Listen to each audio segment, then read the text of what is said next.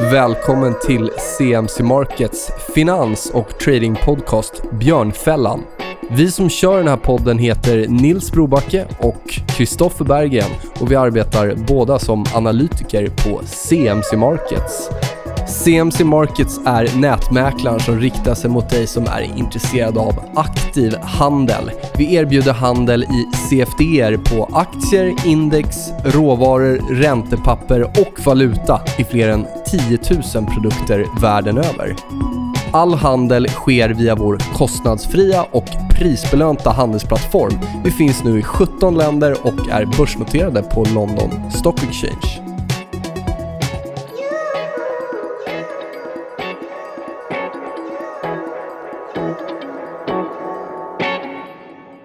Då drar vi igång avsnitt 70 av vår podcast Björnfällan och idag har vi äran att gästas av Peder Dyrje som förvaltar aktieansvar Saxum Aktiv.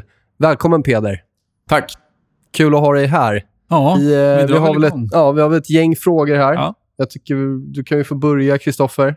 Jag kör ju alltid den här bakgrundsfrågan. Men det är alltid intressant att veta lite var man kommer ifrån och vad det som har gjort att man har hamnat i finansbranschen och vad, vad det som har gjort att man har hamnat liksom på förvaltarstolen idag. Ja, det är, all, det är alltid, man vet liksom aldrig riktigt var man ska börja när man svarar på den frågan. Men eh, jag blev intresserad av finans väldigt tidigt. Typ. Eh, nästan högstadiet. I alla fall början på gymnasiet. Och eh, läste ganska mycket böcker och sådär. Jag gick natur, så att jag var inte så mycket finans Eh, i skolan. Och, eh, så det var helt klart att jag skulle läsa finans. Så åkte jag till USA, till Boston och läste eh, en major i finans och så hade jag en, en minor i economics. Eh, blev klar där eh, i början av 2004. Och eh, Sen eh, kan jag, kan jag lägga in en grej som jag, inte, som jag inte brukar ta upp. Så hade jag faktiskt en period medan jag sökte jobb i London som jag faktiskt tradade själv mm. och, och tradade optioner. Mm. Och eh, lärde mig lite den hårda vägen. Att, eh, att det var bättre att börja jobba någonstans. eh, och, eh, det var en ganska bra erfarenhet. Så när jag kom in på och började som trader eh, januari 2005 så uh, hade jag nog kanske lite mer erfarenhet än vad vissa andra hade. Uh, så blev det att jag jobbade kvar som trader i tre och ett halvt år. Var det en propplåda eller? Det var en propplåda och den var, det var en firma som, som heter Goldenberg Haymeyer som då var störst i volym på Eurex och näst störst i volym på CBOT, eh, tror jag. Det var ungefär kan man säga, 100 traders i London, 100 traders i Chicago och 100 traders i New York. Någonting i den stilen. Eh, och eh, när jag slutade i, i, mars 2008 så var det, tror jag, 11 traders kvar på golvet i London. Så det var, eh, det var en tuff period för firman. Hur var marknadsklimatet? Du började 2005 och slutade 2008. Eh, hur, hur liksom, vad hände däremellan? Ja, egentligen så... Eh, den tradingen vi gjorde hade inte så mycket med, med övriga marknaden att göra. utan Vi, vi handlade i statsobligationer och terminer på statsobligationer framför allt. Och, eh, jag var fokuserad på, på tyska eh, och sen med tiden också amerikanska statsobligationer. Och, eh, man handlade förändringar i avkastningskurvan. Eh, någon gång kunde du kanske ta ett, ett bett bara rakt ut. Eh, men för det mesta så, så, var det förändringar på avkastningskurvan. Är det liksom lutningen eller kurvaturen? Och, eh, och så handlar det om att liksom tjäna lite pengar på, på, på förändringar i kurvan. Och eh, för att det ska bli någonting då så måste det, ja, så måste det ändå vara betydande volymer som man handlar. Och då därför som en sån firma kunde vara så stor i volym. Men var du, sökte du medvetet till tradingen eller hamnade du bara där av en slump? Eller? Nej, ett sånt där jobb söker man medvetet till. Ja. Och, eh, så jag var helt inställd på att jag ville jobba som trader. Och eh, Jag var på ganska mycket intervjuer. Eh, och rätt många av storbankerna också. Eh, men det var, inte, det var inte klart någonstans att man skulle få jobba med trading. Så till slut så bestämde jag mig för att ta det här jobbet på en lite mindre känd firma. Mm. Eh, för att man direkt skulle få börja jobba med det som man ville. Och eh, ja, så blev det att jag var kvar i tre och ett halvt år. Jag skulle nog säga att efter två och ett halvt år så började det bli dags att byta. Men så hade jag ett, kvar, ett prov kvar på, på CFA-programmet. Eh, jag skulle gifta mig. Lite sådana saker som gjorde att det drog ut lite på tiden. Och Sen när väl det var klart, då, så började finanskrisen. Och, och Då var det svårt att, att, hitta andra jobb i London. Mm. Så Det var därför jag flyttade hem i april 2008. Och Så började jag då på Garantum, rakt över gatan här. Eh, som, eh, som analytiker så jobbade jag som, som strateg och analytiker i åtta år eh, innan jag hoppade upp en våning till aktieansvar och då började förvalta Saxum Aktiv som är multi-asset eller blandfond. Hur skulle du säga att din bakgrund som eh, renodlad proptrader har påverkat din eh, förvaltningsfilosofi idag? Eh, nej, kanske inte förvaltningsfilosofin så mycket. Däremot, eh, alltså när jag först slutade som trader och de första åren på, på analys så tyckte jag att eh, min tid som trader var bortkastad lite. Eh, för att det var, det var så kortsiktigt och helt plötsligt blev det väldigt långsiktigt. Men eh, med tiden så började jag inse att många som jobbar på, på, analys har aldrig suttit i marknaden och aldrig sett hur, hur marknaden rör sig och vad som kan hända.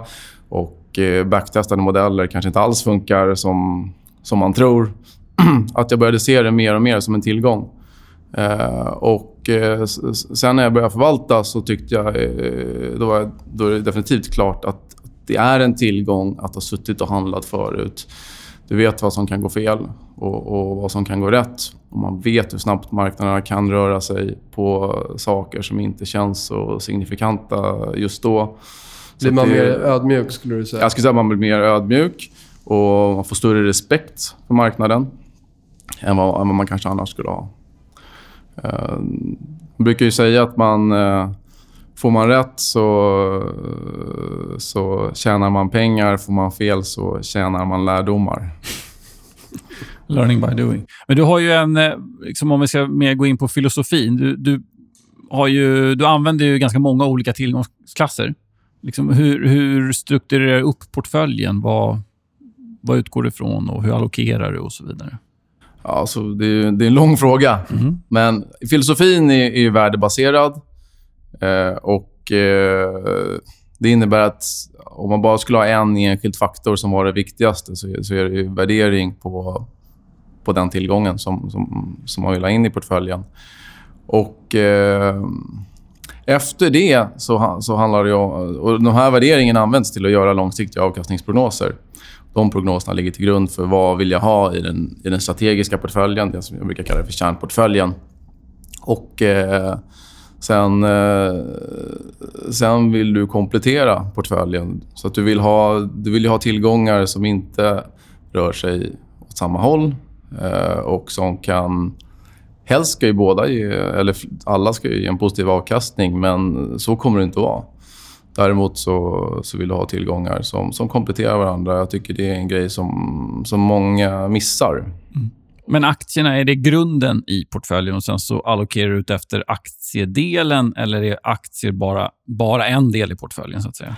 Jag skulle säga att långsiktigt så är aktier en del av, eller är grunden i portföljen för att aktier är det som långsiktigt skapar mest värde. Eh, det har gjort det och det finns god anledning att tro att det kommer vara så även på lång sikt framöver. Eh, den här perioden som jag har förvaltat, eh, snart fyra år nu, så har aktier aldrig sett så superattraktivt ut. Det innebär att de har varit en mindre del och det har varit större fokus på kanske komplementen i portföljen. Och Vad har det varit för komplement? Du nämnde bland annat ja, räntor och du har pratat om guld och så vidare. Vad... Ja, olika typer av obligationer och i främsta hand statsobligationer är det som kompletterar aktier mest. Ehm, även haft obligationer i tillväxtmarknader. Så generellt sett en tillgång som jag gillar, men som jag inte har nästan någonting av nu. Eh, guld är också en, en sak som jag, eller en tillgång som jag tycker passar bra i, i kärnportföljen. Eh, den eh, kommer inte alltid ha guld, men jag tror under stora delar så kommer den ha lite guld. Sen om det är 5% eller 15 eller 20, det, det beror lite på. Vad är det som gör att du gillar guld? Är det skydd mot eh, liksom, centralbankerna eller är bara som en tillgång som har en tendens att stiga när det blir stökigt på börsen? den långsiktiga trenden, är det grafen just nu? Vad, vad gör att du gillar guld? Jag ser ju guld som, som en valuta eller, eller som pengar. Och eh, Den valutan som har haft bäst utveckling för att det, det, centralbankerna kan inte bara skapa nya pengar när de vill. Eh, I guld i alla fall. kan det fiatvalutorna. Och eh, Många kanske inte har tänkt på det, men guld i kronor sen, sen 1968, som jag har data från, har gett någonstans 8,5 i avkastning. I kronor, gett drygt 7 i, i dollar. Så att det fortfarande varit en tillgång som har gett ganska hög avkastning. Sen är det volatilt. Eh, och Det gör ju att du vill inte ha för stor del av portföljen i guld eller, eller andra ädelmetaller som silver. Silver är än mer volatilt. Och eh, Guldet passar också som komplement till, till aktierna. Jag brukar säga att i åtta fall av tio när aktiemarknaden går ner så går guldet bra. Eh, men du kan också ha perioder när guldet stiger samtidigt som aktier stiger. Som under förra cykeln till exempel. Absolut. Om vi kollar på guldgrafen nu då. Ja, eh, drar vi ut den och då tänker jag mot US-dollar så har vi ändå konsoliderat ganska många år nu och, och, och eh, i alla fall enligt teknisk analys om vi ska ha eh, en så här, om vi har haft en så här lång konsolidering så ska det ju bryta ut åt något håll och ganska rejält. Och många menar ju på att det är eh, på uppsidan då, då. Vad är din syn på guld? Eh, du har ju lite guld i portföljen och vad, vad tror du framgent? Eh, kortsiktigt så är jag ganska positiv på guld. Och med kortsikt så menar jag upp till ett år. Så för 2019 så tror jag att guld eh, kommer att ha ett bra år. Eh, jag är också positiv till dollarn för året. Eh, men det betyder inte att båda de tillgångarna behöver gå upp samtidigt. Eh, men den, den, stora, den stora grejen för guldet är ju eh, kanske på lång sikt. Eh, om man ser vart, vart vi är på väg politiskt Eh, så, så är det inte omöjligt att se eh, en extremare penningpolitik och eh, betydligt extremare fiskal politik ehm, på några års sikt med, med eh, den politiska extremismen som vi ändå har i många delar av världen. Och eh, Då kan ju guld gå väldigt bra under en lång tid. Men, men vi är inte där än. Nej. Är det liksom ett par tusen dollar vi kan vara uppe i eller vad? Ja, jag har faktiskt ingen riktig åsikt sådär. Men jag menar, vi, då, då bryter vi upp till nya högsta nivåer. Så ja. då ska vi upp över 1900 där det har varit. Du har ju, när man pratar guld, så det som är i portföljen som jag har sett är där underliggande är fysiskt guld. Eh, för du handlar mycket ETFer och så vidare. Finns det någon anledning till att du väljer just de som speglar det fysiska guldet? Visar det lite din tanke kring vad som kommer hända? eller? Ja, nu, nu är det fortfarande ett värdepapper som mm. äger fysiskt guld. Eh, men det känns ju lite bättre än att eh, köpa terminer eh, på guldet. Och eh, just den här, de ETFerna jag har tror jag har sitt, sitt guld förvarat i Storbritannien. Eh, ska man vara ännu mer konspiratorisk kanske man vill komplettera det med någon ETF som, som förvarar guld i Schweiz. Eh, men eh, ja, det, det, det, är ingen större, det är ingen prisskillnad egentligen sådär på, på, på de, eller ETC-erna som, som man kallar dem. Så då känns det ju bara bättre att välja fysisk guld så att du faktiskt har någonting. Det finns någonting att ta på. Du har ju en top-down approach, i alla fall det är där du, det du utgår ifrån, som jag förstår det som, eh, när du allokerar mellan olika tillgångsslag och i aktier och så vidare. Vad har du för vy just nu och liksom vad Jag har varit inne på guldet, men hur, hur ser det ut i övriga delar av portföljen? Ja, alltså från 10 000 meter så, så kan man ju sammanfatta läget som att vi har eh, väldigt höga värderingar på många tillgångar. Vi har eh, centralbanker som har gjort sitt yttersta, som kanske inte har så där jättemycket mer ammunition Eh, om man inte börjar göra saker som man inte har gjort på, på väldigt, väldigt länge. Eller trycka mer pengar kanske. Sen får ja. vi se hur bra den ammunitionen funkar. Eh, vi har en rekordhög skuldsättning.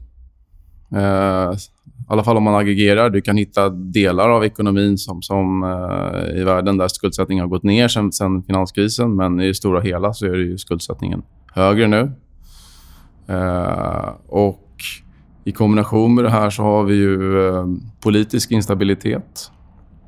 Eh, så att och, jag menar, och mycket av det här, den där politiska instabiliteten, eh, det är ju på grund av att vi har de klyftorna mellan rika och fattiga som, som vi har i samhället.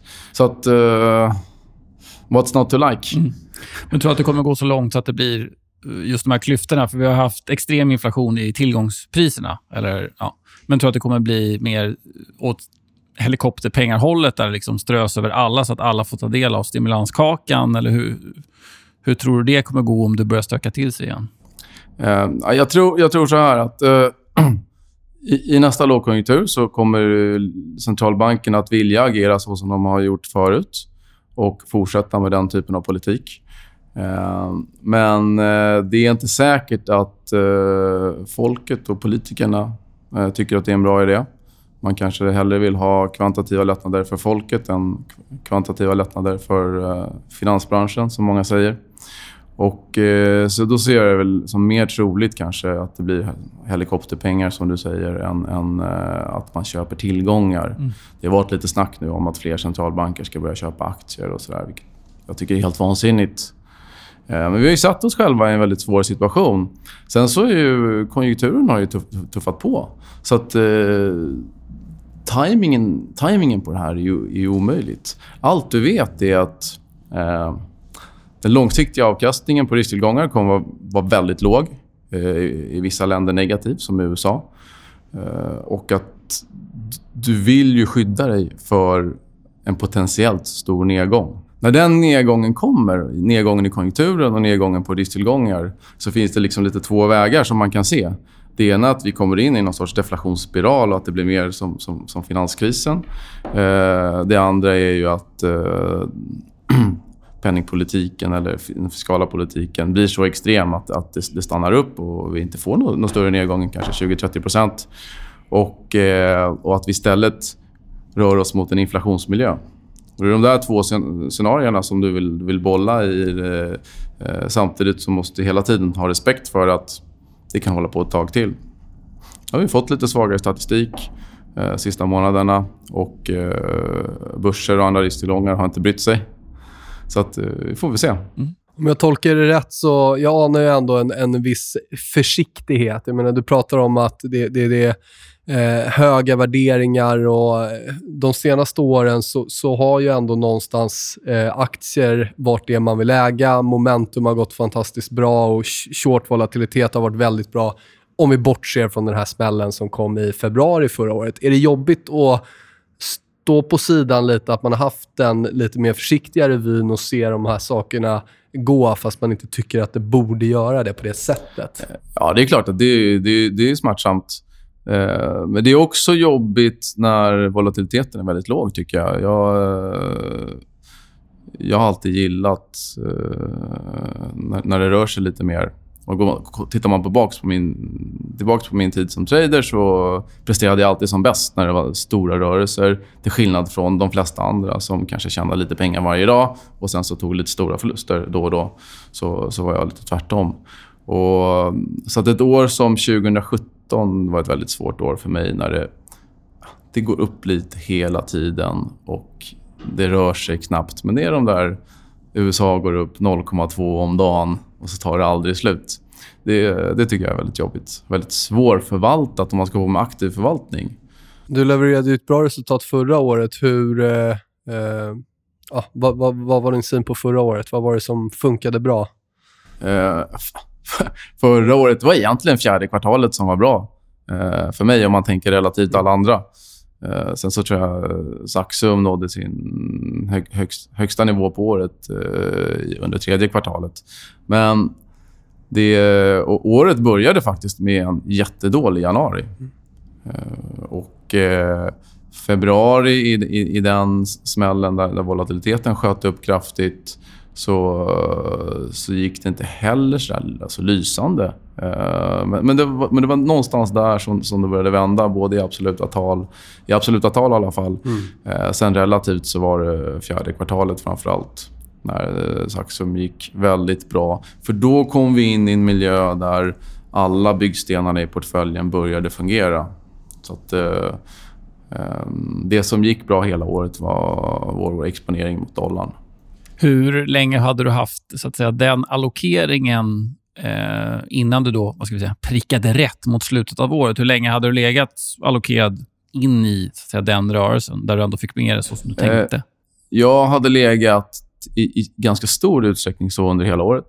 Men jag hade lägre aktieexponering just där i, i september än vad jag hade haft på hela året. Så att kollar man nedgången i oktober hade jag nästan ingen aktieexponering alls. Sen var den lite högre i november, december, men fortfarande väldigt låg. Och, eh, och sen så i slutet på året så allokerade jag upp lite. Vad var det som gjorde att du hade så låg aktieexponering där och i, just i september? Att du skalade ner så pass mycket? För det känns ju ändå som ett ganska defensivt bett. Rent tekniskt så var det ju väldigt överköpt och, och stretchat. Och det var väldigt svårt att hitta indikatorer som... Alltså du, du kommer ju till lägen i marknaden där, där det känns ganska tydligt att visst, du kan ha fel. Men har du fel så, så finns det inte så stort utrymme för, för en stor rörelse åt det andra hållet, utan det är snarare tvärtom. Det var lite där, där vi befann oss. Jag tror vi hade all time high på S&P där i september någon gång samtidigt som rekordsiffran ISM kom in. Och det är klart, är man då lite contrarian så, så Eh, kan det bli bättre i den situationen. Ja, jag tror i det läget så var ju till och med Goldman Sachs ute och sa att eh, vi aldrig haft positiv avkastning på S&P på 3, 6, 9 eller 12 månader eh, på, efter en ISM på över 60. Så att, eh, så det blev väl så den här gången också.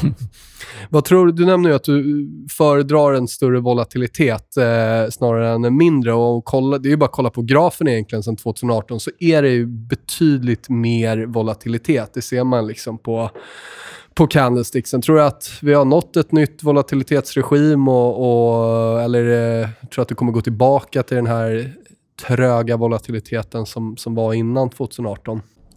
Alltså, jag har ingen jättestor åsikt om volatilitet. Jag, jag, har också sett många grafer där man, när man drar ut någon sorts trend och ser ut att här är, här är vändpunkten. Och det är mycket möjligt att, att, att det, det blir så. Eh, men vi kan ju faktiskt ha eh, lite som vi hade i slutet av förra året. att Det gick ner på börserna, men volatiliteten var inte så där vansinnigt hög. Den var ju högre än vad den var 2017. Men det var inte, någon sån här, det var inte några riktiga spikar. Julafton där var lite svettigt. Ja, det var, det var lite svettigt. Och jag önskar att jag, kunde, att jag hade kunnat handla då. Men du gillade väl den nedgången? Du låg väl ändå hyfsat rätt, som jag förstår det? Ja, eh, den nedgången var ganska bra för mig. För det, det, det som hände var... I, I oktober så tjänade vi väldigt mycket på eh, korta positioner vi hade på aktieindexderivat. Det skyddade rätt mycket, men övriga portföljen gick egentligen inte så där, så där lysande. Dollarn gick upp, så att i absoluta tal så eh, hade, hade, eh, hade som en fin siffra. Jag tror upp 2,6 eller något sånt där. Eh, sen i december så var ju portföljen ner, men det var för att dollarn försvagades i slutet på året. Och, eh, eh men, men då började statsobligationer och guld röra på sig. Yenen gick ganska bra. Så att det, jag skulle säga att portföljen funkade bra i december.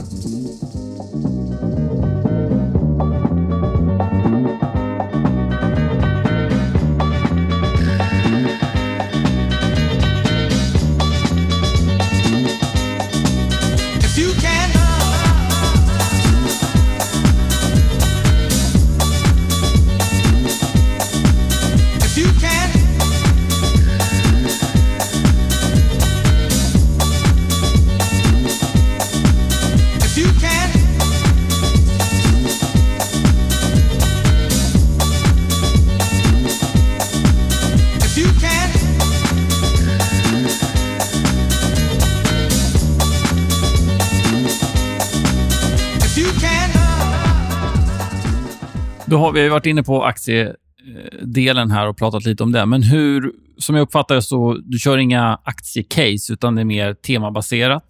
Hur, eh, hur väljer du vilka exempelvis då ETF du ska använda dig av? Har du, går du då in på momentum, värde, eh, kvalitetsbolag eller hur, hur väljer du liksom sektor att, att investera i?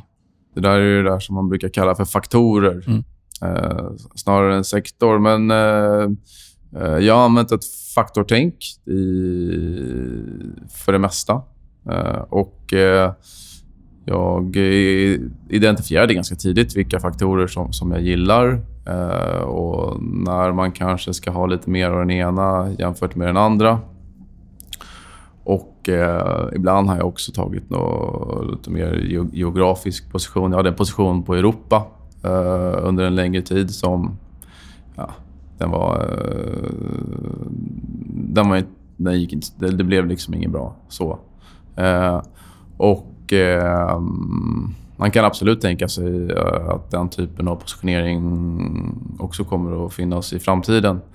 Men eh, jag, jag, tycker ändå faktorerna de, de är ganska bra. Eh, du kan göra någon form av eh, analys av hur ligger de till i trenden. Hur, eh, hur är värderingen på den här typen av bolag? Hur pass, hur pass eh, populära är de? Och, eh, och allokera mellan dem efter det. Eh, så att som ex exempelvis nu så har jag haft lågvolatila aktier under en, en, en längre tid och jag har sedan ett, två, tre månader na, två, ja, börjat dra ner dem. Eh, och, och, och, allokera in i då value som är lite mindre populärt. Mm. Men kompletterar du, vi säger att du kör värde och momentum mot varandra. För de, det är ju aktier, men de jobbar ju bra i lite olika typer av klimat. Eh, eller kör du antingen värde, eller antingen momentum eller antingen lågvolatilt? Ja, jag, jag är inte så jätteförtjust i momentum. Eh, jag vet att det har gått väldigt bra eh, och att det har varit väldigt populärt. Jag, jag har lite svårt för, för den strategin. Den passar inte mig så bra. Uh, vi kanske kommer att ha det någon gång. Uh, men då, då, vill, då vill jag att momentum ska ha haft en lite dålig period först. Men är det det som gör det, alltså det som driver momentumaktier du inte gillar, eller varför gillar du inte momentum? Uh, jag, tycker att det är, jag tycker att det är en dum strategi. Och den, alltså den kan fungera, men jag tycker fortfarande att den är dum. Och, och då har jag väldigt, Det blir väldigt svårt för mig som är... Alltså jag är rätt kritisk i mitt tänkande. Så att, eh, och det är en annan grej. Så det är väldigt viktigt att du har en investeringsfilosofi och strategi som stämmer överens med din personlighet. Har man inte det och så börjar det gå fel, då är det väldigt svårt att stanna vid den strategin. Um, Style drifting och så vidare. Ja. Du kan ju ge två likadana strategi, eller samma strategi till två personer och ena kommer ut med positiv avkastning och andra gör, gör inte det. Absolut. och Jag tror att i många fall så eh, folk som förvaltar, de kanske ärver en portfölj eller frågan vill ta det här jobbet och så börjar de göra det för att de, de vill avancera i karriären. Men det är inte nödvändigtvis att strategin och filosofin är, är deras och, och någonting som passar dem. Eh, och det tror jag, jag, tror att det är väldigt viktigt. Och just eh, momentum har jag inte känt att det har varit ett, ett läge där jag har velat gå in i det. Eh, de här åren. Skulle du säga att du har de liksom, möjligheterna i, i, din förvaltning idag att agera liksom, exakt så som du vill? Du får ta de positioner du vill, om det är lång eller kort, eller vilka tillgångslag du vill handla. Ja, det skulle jag säga. Ja. Skulle jag säga. Uh, i, inom rimliga gränser. Absolut. om vi går över på och tittar på eh, strategin. Och, skulle du säga att hur mycket av din strategi har du systematiserat? Och Då tänker jag i första hand på entry, exit, Eh, risk. Vi pratade innan sändning här om, om eh, liksom fasta stoppar och hur, hur, du tänker kring det. Eh, hur mycket av den delen är så att säga, systematiserad? Nej, in, inte speciellt mycket. Man, man, man, kan säga att det, innan jag började så, så tittade jag på, på tror jag, tre olika modeller så för, för liksom den breda allokeringen mellan aktier och obligationer. Eh, och, eh, och nu kan man säga att alla de tre modellerna har legat eh, defensivt i, i, flera år. Eh, och De är baserat på hur det sett ut historiskt. Så att, eh, och jag kan säga att det, de, de har haft olika komponenter och eh, en har varit värdering. Och eh, på värderingsmåtten har vi legat så högt över att det inte spelar egentligen så stor roll vad som händer annars för, för eh, den liksom, strategiska allokeringen. Men det är inte speciellt systematiskt så. Utan det är, det, det är ganska mycket sunt förnuft och portföljtänk. Jag säga. Så att, eh, om vi tänker att vi vill lägga till en tillgång till portföljen så ja, då måste vi ha en fundamental anledning för det. Eh, och Sen måste vi kolla då, okay, vad kan vi förvänta oss av det här. Var, var vill vi gå in? Var vill vi minska eller gå ut? Eh, måste vi sälja någonting för att ta in den här tillgången? Eller har vi likvida medel? Behöver vi inte byta ut någonting? Eh, och så sätter du upp de ramarna. Och när du väl har satt upp allting så, så börjar du allokera till den. Och sen så skalar jag in mig under en period. Och beroende på vad det är för tillgång, är det, är det till exempel en, en valuta så, så kanske det är någonting man gör eh, över en, en vecka eller en månad. För det är oftast då är lite kort, kortare perspektivet. Eh, utan, men är det en, en viss typ av aktier som jag tror kommer ligga i kärnportföljen i flera år, då kanske du gör det över sex månader eller ett år eller någonting i den stilen. Um, men, det, men det, det är kanske lättare när man ska gå in, det är svårare när man ska gå ur. Mm. Klassisk grej. Jobbar du med cash eller likvida medel som en strategisk del i portföljen? Eller om du ska gå till cash så går du till korta räntor till exempel? Eller ligger du i rena cash? Man får ju så himla lite på, på korta räntor. Så du får ju risk och inte så mycket avkastning. Jag, jag, har en kombination och jag har haft ganska stora variationer i vad jag har i, i cash i portföljen. Just nu har jag ganska mycket cash. Eh, men i slutet av förra året så var cashen nere på 4% eller någonting. Och 4, och 4% är ungefär... Jag, jag, kan inte komma så mycket lägre. För att cashen ligger också som säkerhet till, till eh, vissa derivataffärer. Så att... Eh, eh, jag, jag gillar att ha lite cash i portföljen. Och det är ganska många eh, faktiskt framstående investerare som, som har haft mycket cash i sina portföljer över tiden. Och Det är någonting som lite går emot vad som är konsensus. Att, eh, att folk ska inte betala någonting för att någon ska sitta i cash. Ehm, men eh, cash är på ett sätt lång volatilitet. Så att när det blir volatilt och tillgången går ner, då har du cash och du kan köpa på, på attraktiva nivåer. Och eh, Jag brukar säga att det går hälften så fort att bara köpa än att sälja och köpa. Mm. Ja, men känner du att det är... jag är inte rädd för att ha cash i portföljen. Sen så finns det ju, finns ingenting som säger att man ska ligga med... med liksom- jag får max ha 20% Jag ska ligga med 20% år ut och år in. Nej, men det kan ju vara att man... Ligger du nära 20% nu till exempel? För du snack, mm. Nej, men jag, har fått precis, jag fick precis något inflöde så, där, så jag ligger på 14-15. Ja. Hur är det då att parera de här? Jag antar att det är daglig likviditet på fonden? Ja, absolut. Ja, hur, hur, hur fungerar det med din förvaltning? Är det nåt som liksom eh, stör eller? Uh, Skulle du ha årlig likviditet?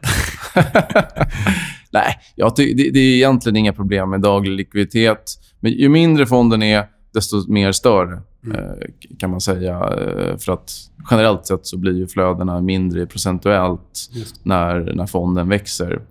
Eh, men det är klart, kommer det väldigt stora och väldigt mycket flöden eh, eller in och ut på kort sikt så, så stör det förvaltningen lite. Det, det gör det, men, men det, det, är inga problem. Eh, men man måste hela tiden vara, vara beredd att kunna handla. Så att det blir ganska mycket att man får handla. och Jag brukar, ta, jag brukar använda det som ett, lite som ett instrument för att då kanske ombalansera portföljen.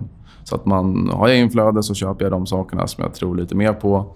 Eh, på kort sikt och eh, kanske inte köper så mycket av dem som jag tror eh, mindre på. Så att om vi tar den sista månaden till exempel så har jag inte köpt speciellt mycket aktier för de flödena som kommit in utan jag har mer fokuserat på andra delar av portföljen och låtit cashen bli lite större än vad det var tidigare. Skulle du säga att du applicerar teknisk analys i din beslutsprocess? Absolut. Och men, men jag skulle aldrig ta en position enbart baserat på teknisk analys. Utan det är snarare så att du, eh, man har en fundamental åsikt eh, och sen vill du titta på, på grafen och med olika tekniska verktyg för att se eh, ett, finns det, beroende på vad det är för case, är det turnaround, någonting som ska, som ska vända eller är det en trend, så vill du se om, om grafen på något sätt eh, konfirmerar det. Och, och sen så använda tekniska analysen för att kanske på kort, kort sikt försöka tajma det lite bättre. Ibland funkar det och ibland funkar det inte. Jag, jag, jag tror ändå överlag så, så hjälper det mer än, än vad det skadar.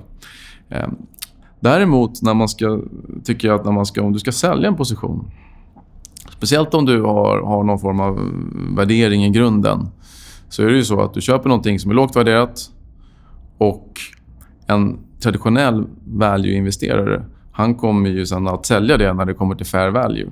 Men man vill ju egentligen inte göra det. För om trenden är god och du väl är inne, du har ganska mycket säkerhet i, för att det har gått åt rätt håll, så vill du kanske ligga på positionen längre.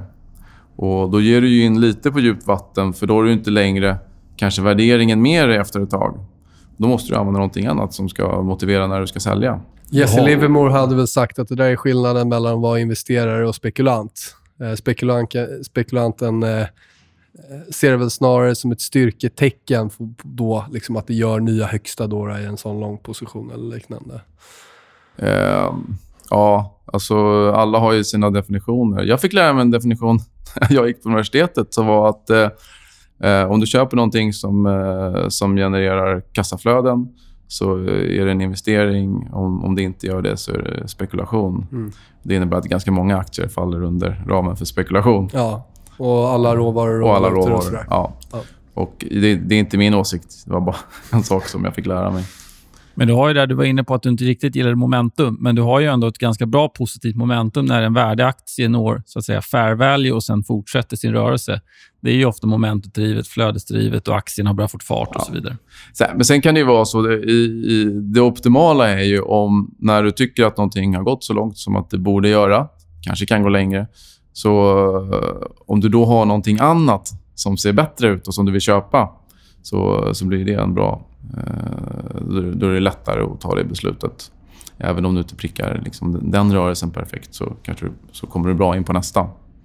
Du nämnde det tidigare att ni i höstas hade, lite, eller ni hade en del derivatexponering som skyddar er. Eh, är det så ni jobbar med derivat just för att säkra upp Alltså dra ner risken, eller hur, hur jobbar ni med derivat i fonden? Jag tror där, där, vi är, där vi är i cykeln nu så är det framför allt det, ja. Men eh, man kan tänka sig andra positioner på sikt. Man kan tänka sig att man kanske vill gå kort volatilitet någon gång när volatiliteten är hög. Eh, och, eh, och Man kan tänka sig att man använder det för att öka exponeringen. Ibland kan det vara kanske lättare att vikta upp med lite köpoptioner än, än att eh, flytta liksom hela portföljen. Men i dagsläget har det varit mest, eh, mest att skydda nedsidan. Och, och, Då kan man ju köpa säljoptioner, man kan sälja terminer, man kan använda olika typer av spreadar. Eh, och, och, ibland är det faktiskt så. Det kan vara ganska stor skillnad i, i kostnaden för, för, för att köpa skydd eh, beroende på vilken strategi man använder. Och vid flera tillfällen har jag upptäckt att det är, det är bättre kanske en kombination av säg fyra, fem optioner än att bara köpa en putt. Du får liksom samma avkastningsprofil till en lägre kostnad. Du använder ju eh, ETF i din förvaltning. Eh, vad skulle du säga är fördelarna med ETF och vad eh, tycker du om det svenska ETF-utbudet? Varför är det så pass begränsat? För jag antar att det är ja, amerikanska ETF framförallt du tittar på. Mm, nej, jag kör europeiska ETF, ja, okay. UCITS ETF. Och eh, Jag kan ha en viss andel eh, amerikanska ETF om jag vill, men det blir alltid lite strul med värderingen. Mm. och, och, och sådär. Vår administration gillar inte riktigt det. Om vi börjar med första frågan. Då. Vad är fördelarna med ETF? ETF är bra för att det är, ett, eh, det är ganska enkelt. Det, det handlas som en aktie. Så att du, du köper en korg av aktier eller en korg av obligationer med en knapptryckning. Så att det är ett väldigt lätt sätt att, att, att allokera ehm, och, och, skapa en bred portfölj med inte jättemånga instrument. Och Det finns så stort utbud nu att det är, det är väldigt få positioner du inte kan ta eh, med, med en ETF. Sen så är det, de är inte alltid perfekta och så. Men, men eh, jag tycker att det är ett väldigt bra instrument. Och ett bättre instrument än eh, än en indexfond till exempel. Eh, I alla fall för mig. Jag gillar att exekvera själv. Jag gillar att se hur det rör sig och likviditeten. Och Då gillar jag inte att lägga en fondorder. Men det är en smaksak. Eh, Däremot svenska marknaden. Jag, jag, vet inte, jag har inte handlat så mycket på svenska marknaden. Sådär, men det, sist jag kollade fanns det ett 20-tal eller någonting i den stilen. Och Sverige är en liten marknad. Både var, när det kommer till liksom pengar, hur mycket pengar finns i Sverige. Och, eh, men också om du tänker dig att du vill skapa liksom, tema-ETF på svenska börsen. Det finns ju inte tillräckligt många bolag. Bank och fastigheter. Ja, nej, men det blir ju det. Ja, verkstad. Ja. Ja, Men det kan ju vara att de svenska bankerna ska göra ETF som baseras på inte vet jag, amerikanska värdebolag eller europeiska momentumbolag eller vad det nu är för någonting. Där, där är det ju väldigt skralt. Ja, men det måste ju finnas en tillräcklig efterfrågan Mm. för att det ska bli någon likviditet. Och generellt sett, så är, om du kollar på ETF-marknaden så kommer ju alla aktörer ut med samma produkt, mer eller mindre. Eh, och så att det är av, av de här populäraste faktorerna då, så finns det ju... Lätt, har, har ju alla någon sån. Så är det pytteliten skillnad så att de ska kunna argumentera för att den ena är bättre än den andra. Och Jag tror att det finns mycket mer att göra på, på obligationssidan eh, på ETF-erna än vad det finns kanske på aktiesidan. En vanlig kritik mot ETF, eller i alla fall ett orosmoln som kanske ofta tas upp, det är ju att i den uppgången vi har haft de senaste åren så har ju otroliga volymer kommit in i ETFer och eh, med stor sannolikhet påverkat prisrörelserna. Vad händer i en situation där vi får liksom en rejält negativ marknad? Hur kommer de här ETF-flödena liksom påverka? Har du någon syn där och, och finns det någon fog för den oron? Alltså antingen har de ju påverkat på vägen upp och, så, och påverkar också då på vägen ner. Och jag tycker egentligen inte att det är någon större skillnad på marknaden så. Eh, den enda effekten som man kan tänka sig det är att det är väldigt mycket eh, kapitalviktade index. Och Då blir det så att väldigt mycket pengar flödar in till de bolagen som redan är störst, vare sig det är logiskt eller inte. Eh, så att absolut. Men, men jag ser egentligen inga tecken på att nedgången skulle bli värre på grund av ETF-erna. Jag ser tecken på att nedgången kan bli värre än vanligt på grund av den värdering och den belåning och, och sådana saker som vi har. Men det är klart att det, det är möjligt att, det, att eh, i och med att det går kanske snabbare att handla en ETF än om man har fonder i sin portfölj så, så kan nedgången bli lite snabbare. Eller så blir den snabbare för att vi har mer algoritmhandel eller för att vi bara har mer informationssamhället som gör att vi är liksom mer på det. Och, så att, eh, men, men jag är ingen sån där... Liksom, jag går inte och oroar mig för att ETF-erna ska för, förstöra marknaden. Du var inne på det där förut, att du gillar när det svänger på marknaden. Eh, upplever du att det har varit problem med likviditeten i ETF eller att spreadarna har dragit iväg ganska mycket när det stökar till sig på marknaden? Eh, inte så mycket på de som, som jag handlar faktiskt. Eh, jag har ju sett det på, på vissa andra instrument. Och generellt sett kan man säga så här. Jag tror att ETFer på, på likvida obligationer eller på, på, på aktier, i alla fall likvida aktier, där ser jag inget större problem. Däremot så kan man väl tänka sig att det är ETFer på ja, vissa high yield eller leverage loans eller någonting där den underliggande tillgången inte är speciellt eh, likvid. Eh, där tror jag att du kanske i... När det blir oroligt kan du se väldigt stora spreadar och du kan se konstiga rörelser och kan både förlora och, och tjäna på det om du är kortsiktig. Är du långsiktig som, som jag är och, och, och om jag skulle se att någon av mina helt plötsligt handlade på väldigt konstiga nivåer då skulle jag ju köpa den.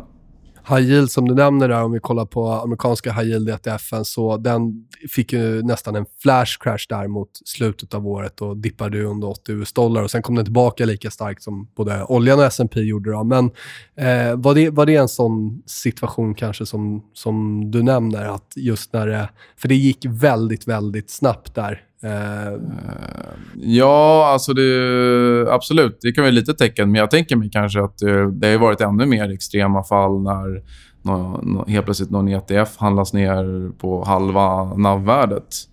Och eh, någon, någon stackare säljer där nere och någon lyckost köper och på, på en dag liksom dubbla pengarna. Men eh, och, och jag, kan, jag kan absolut tänka mig att eh, nästa gång det blir riktigt oroligt eh, under en längre tid, inte bara som vi kan ett kvartal, så, så kan du ha större, större skillnader. Sen har du ju, du har ju market makers på ETFer som, som bör kunna ställa priser på så länge det liksom är bara aktier eller liksom mer likvida obligationer i, i, i, i en tuff marknad.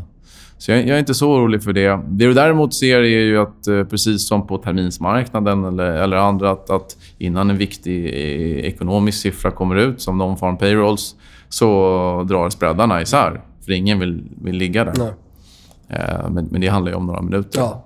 Och så liksom... är det ju... Ja, du kan ju kolla på FX eller vad det nu ja, är. Då, du exakt. Upp exakt. Det är, det är ingen som vill ligga med, med order i orderboken då.